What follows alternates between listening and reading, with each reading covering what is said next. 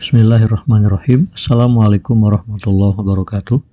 Bismillah, alhamdulillah, wassalatu wassalamu ala rasulillah wa alihi wa man wala. La hawla wa la quwata illa billah wa ba'du. Sahabat muda sekalian, bagaimana kabarnya hari ini? Semoga senantiasa sehat, ceria, penuh motivasi, dan di bawah bimbingan Allah subhanahu wa ta'ala selalu ya. Amin ya rabbal alamin. Sahabat muda sekalian, pada kali ini kita insya Allah akan membahas tentang salah satu keutamaan ilmu dibandingkan harta sebagai kelanjutan dari cerita yang pernah disampaikan tentang Imam Ali bin Abi Thalib ketika beliau ditanya apa itu keutamaan ilmu dibandingkan harta dan Imam Ali selalu menjawab ilmu lebih utama dibandingkan harta. Pada kali ini kita insya Allah akan membahas salah satu poin yang menjadi jawaban Imam Ali bin Abi Thalib bahwa Ilmu lebih mulia atau lebih utama daripada harta karena ilmu bertambah bila disumbangkan atau diberikan kepada orang lain, tapi harta justru akan berkurang jika diberikan kepada orang lain. Mari kita renungkan apa makna dan hikmah di balik pernyataan tersebut. Sahabat muda sekalian, ilmu itu ketika diberikan kepada orang lain, salah satunya akan menjadi bertambah karena pemiliknya juga bertambah. Dari semula hanya kita yang tahu, lalu kita bagikan ilmu itu kepada orang lain, maka yang memiliki pengetahuan untuk ilmu tersebut menjadi bertambah. Ketika pemilik ilmu bertambah, ketika semakin banyak orang tahu tentang suatu hal dan itu mereka dapatkan dari kita, maka otomatis manfaat dari ilmu dan manfaat dari kita pun akan bertambah dengan bertambahnya orang-orang lain yang tambah tahu atau semakin tahu tentang ilmu tersebut ya. Jadi semakin menyebar luas ilmu itu, otomatis pemiliknya juga akan semakin bertambah. Yang tahu semakin banyak, maka otomatis manfaatnya juga bisa bertambah seiring dengan bertambahnya orang-orang tersebut. Yang kedua, manfaat lain dari bagaimana ilmu kemudian bisa bertambah ketika diberikan kepada orang lain. Mudah-mudahan dari sekian banyak orang yang tahu atau menerima ilmu dari kita, mereka berpotensi untuk mengamalkan dan mengembangkan ilmu itu lebih lanjut dan juga menyebarkannya kepada orang lain. Bisa dibayangkan mata rantai kebaikan yang bisa disebar melalui ilmu pengetahuan saat kita membagikan kepada orang lain, lalu orang-orang yang menerima ilmu itu juga berpotensi untuk mengamalkan dan mengembangkannya serta menyebarkan lagi kepada orang lain. Artinya ilmu bisa turun-temurun, ilmu bisa menyebar luas, ilmu bisa bertambah cakupan atau lingkup penyebarannya dan bagaimana bisa luas seperti itu manfaatnya juga pasti akan bertambah Orang yang mengamalkan ilmu pasti akan menambah pahala bagi si penyebarnya. Orang yang bisa melakukan apa yang menjadi kewajiban dari ilmu itu otomatis akan memberikan kebaikan bagi orang-orang yang terlebih dahulu membagikan atau menyebarkan ilmu itu dan diterima oleh orang yang bersangkutan. Oleh karena itu, penyumbang ilmu itu mudah sekali untuk bertambah pahala dan kebaikannya karena ilmunya kemudian menjadi berkah bagi orang lain ya. Dengan demikian, kita juga bisa memahami bahwa nilai ilmu itu tidak akan pernah berkurang meski peminatnya pasang surut. Saya harus menyampaikan misalnya kenapa ilmu ini ada pasang surutnya karena boleh jadi setiap periode waktu itu ada ilmu-ilmu tertentu yang menjadi minat banyak orang dan kemudian ilmu lainnya menjadi surut. Kita mungkin kalau di kampus pernah tahu ya bahwa ada suatu ketika ilmu-ilmu atau jurusan atau kuliah tertentu itu menjadi favorit Dulu misalnya di era 90-an, orang-orang tuh berebut masuk fakultas ekonomi. Semua orang pengen menjadi bisnismen, semua orang pengen jadi manajer. Karena pada waktu itu beredar luas informasi ada beberapa manajer top di Indonesia ini misalnya gajinya sampai ratusan juta sebulan. Di saat orang lain ya bekerja biasa dengan gaji ala kadar, orang-orang dengan kemampuan manajerial seperti itu, orang-orang kampus di antaranya disewa atau di hire oleh perusahaan-perusahaan bahkan digaji sampai ratusan kali lipat gaji dia di kampusnya misalnya. Tapi seiring waktu kemudian di era tahun 2000-an misalnya Fakultas Ekonomi itu ya datar, tidak banyak peminatnya, ya tiap tahun ada stabil begitu. Dan tiba-tiba booming Fakultas Psikologi. Banyak orang pengen belajar ilmu kejiwaan, banyak orang pengen jadi konsultan psikologi, banyak orang pengen buka klinik psikologi jadi kan menjadi psikolog misalnya dia bisa masuk ke berbagai perusahaan dan ikut berperan dalam peningkatan kualitas sumber daya manusia atau HRD-nya misalnya dan seterusnya Termasuk di era 2010-an ini ada beberapa ilmu baru, misalkan ilmu teknik, ilmu informatika, ilmu komputasi, yang kemudian menjadi booming karena misalnya sekarang banyak beredar ilmu baru seperti ilmu kecerdasan buatan ya, artificial intelligence, dan seterusnya. Artinya apa? Ilmu itu ada pasang surutnya. Namun demikian, ilmu-ilmu lain yang tanda kutip ditinggalkan atau tidak laku di perguruan tinggi atau tidak banyak peminatnya di sekolah-sekolah, bukan berarti nilainya berkurang ilmu itu tidak akan pernah berkurang nilainya meskipun peminatnya sedikit. Memang Nabi pernah mewanti-wanti jangan sampai ada ilmu-ilmu tertentu yang justru ditinggalkan oleh umat Islam.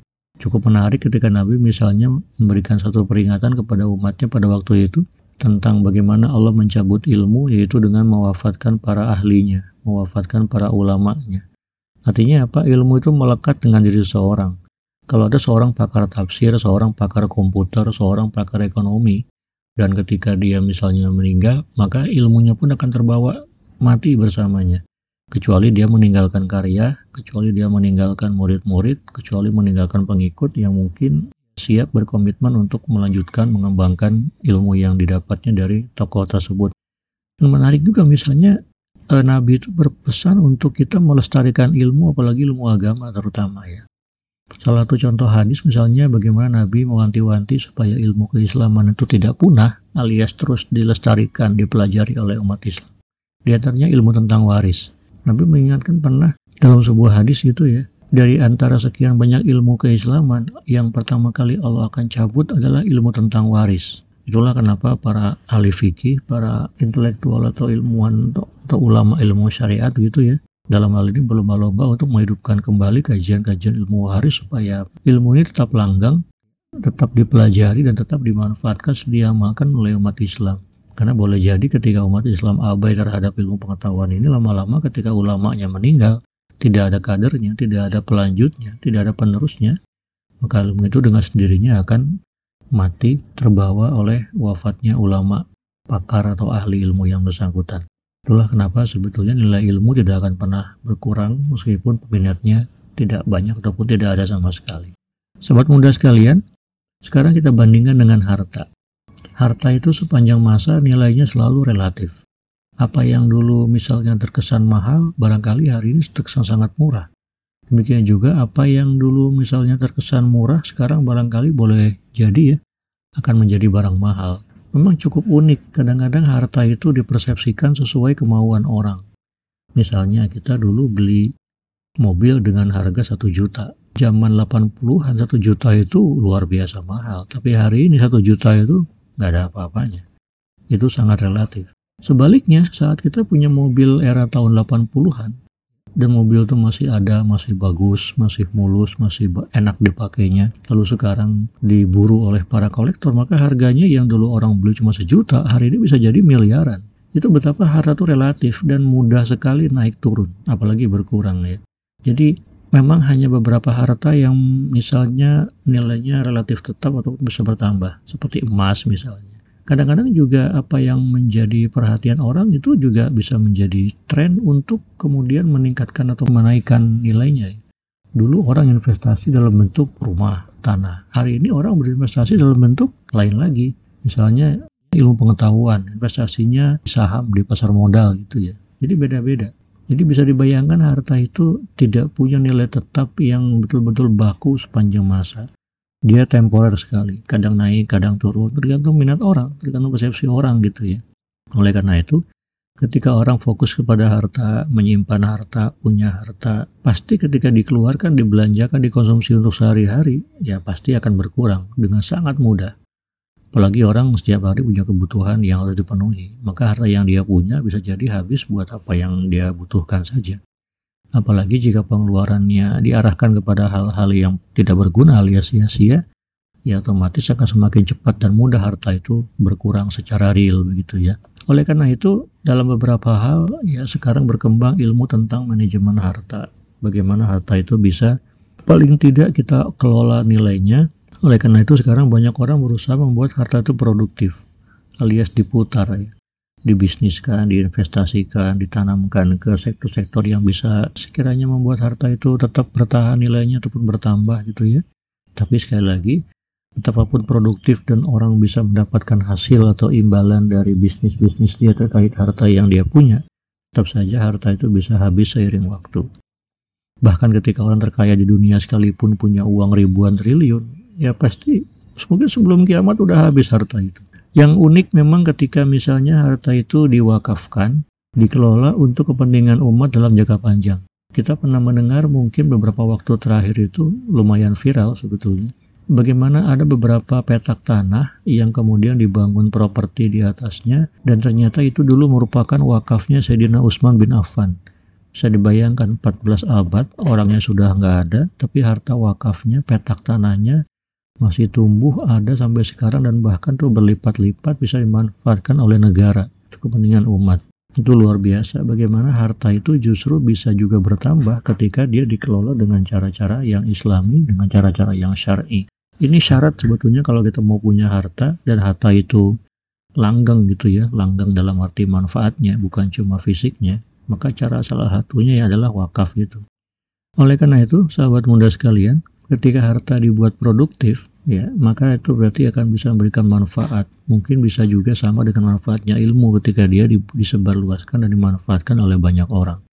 Tapi sebaliknya, jika harta itu ditimbun, ditumpuk, dipendam gitu ya, didiamkan lama-lama, boleh jadi harta itu pasti akan tambah sia-sia dan bahkan tidak memberikan manfaat kepada orang lain. Mungkin juga demikian dengan ilmu kalau dia dipendam, ditimbun, ya, hanya dimiliki oleh orang tertentu tanpa disebarluaskan, ya ilmu itu nggak ada gunanya bagi orang banyak, hanya berguna menguntungkan bagi orang yang bersangkutan. Oleh karena itu, sahabat muda sekalian, sekali lagi kalau kita mau punya ilmu, maka kita insya Allah berpotensi untuk punya sesuatu yang terus bisa bermanfaat dan bertambah nilai serta kegunaannya. Namun demikian harta juga tetap bisa seperti itu, ya meskipun kita punya sedikit tapi nilainya terus bertambah ketika harta itu dikelola dengan cara yang benar, seperti diwakafkan atau disedekahkan atau dibelanjakan visabilillah misalnya. Oleh karena itu, dalam hal ilmu ataupun harta, kalau kita mau ilmu dan harta itu bermanfaat ya, maka kita harus memberikannya kepada orang lain. Justru ketika ilmu atau harta itu masih menumpuk, masih ada pada kita, belum diberikan kepada orang lain, maka selamanya ilmu ataupun harta itu belum akan bermanfaat dan berguna bagi kepentingan banyak orang. Namun demikian, secara matematis ya harta itu ketika dikeluarkan untuk kebutuhan dasar, untuk kebutuhan yang sia-sia, maka itu akan berkurang. Sementara ilmu dibagikan dengan cara apa pun, maka insya Allah manfaatnya akan bertambah. Maka mudah-mudahan sahabat muda sekalian ya, kita dalam hal ini punya fokus yang lebih kuat nantinya untuk belajar dan berbagi ilmu sampai kapan pun kita punya pengetahuan, punya ilmu yang berguna. Mudah-mudahan kita tidak pelit untuk membaginya karena dengan demikian kita bisa bertambah ilmu dengan membagikannya kepada orang lain. Dan kalau kita punya harta, mudah-mudahan juga kita bisa sering-sering sukarela untuk bersedekah, berinfak, berwakaf, berzakat supaya nilai harta itu bertambah meskipun wujudnya berkurang sehingga dengan demikian manfaatnya akan terus nantiasa mengalir kepada kita sepanjang masa dan pahalanya tidak akan pernah berhenti sampai kita nanti mati membawa itu sebagai amal perbuatan dan jariah solihah. Insya Allah. Amin ya rabbal alamin.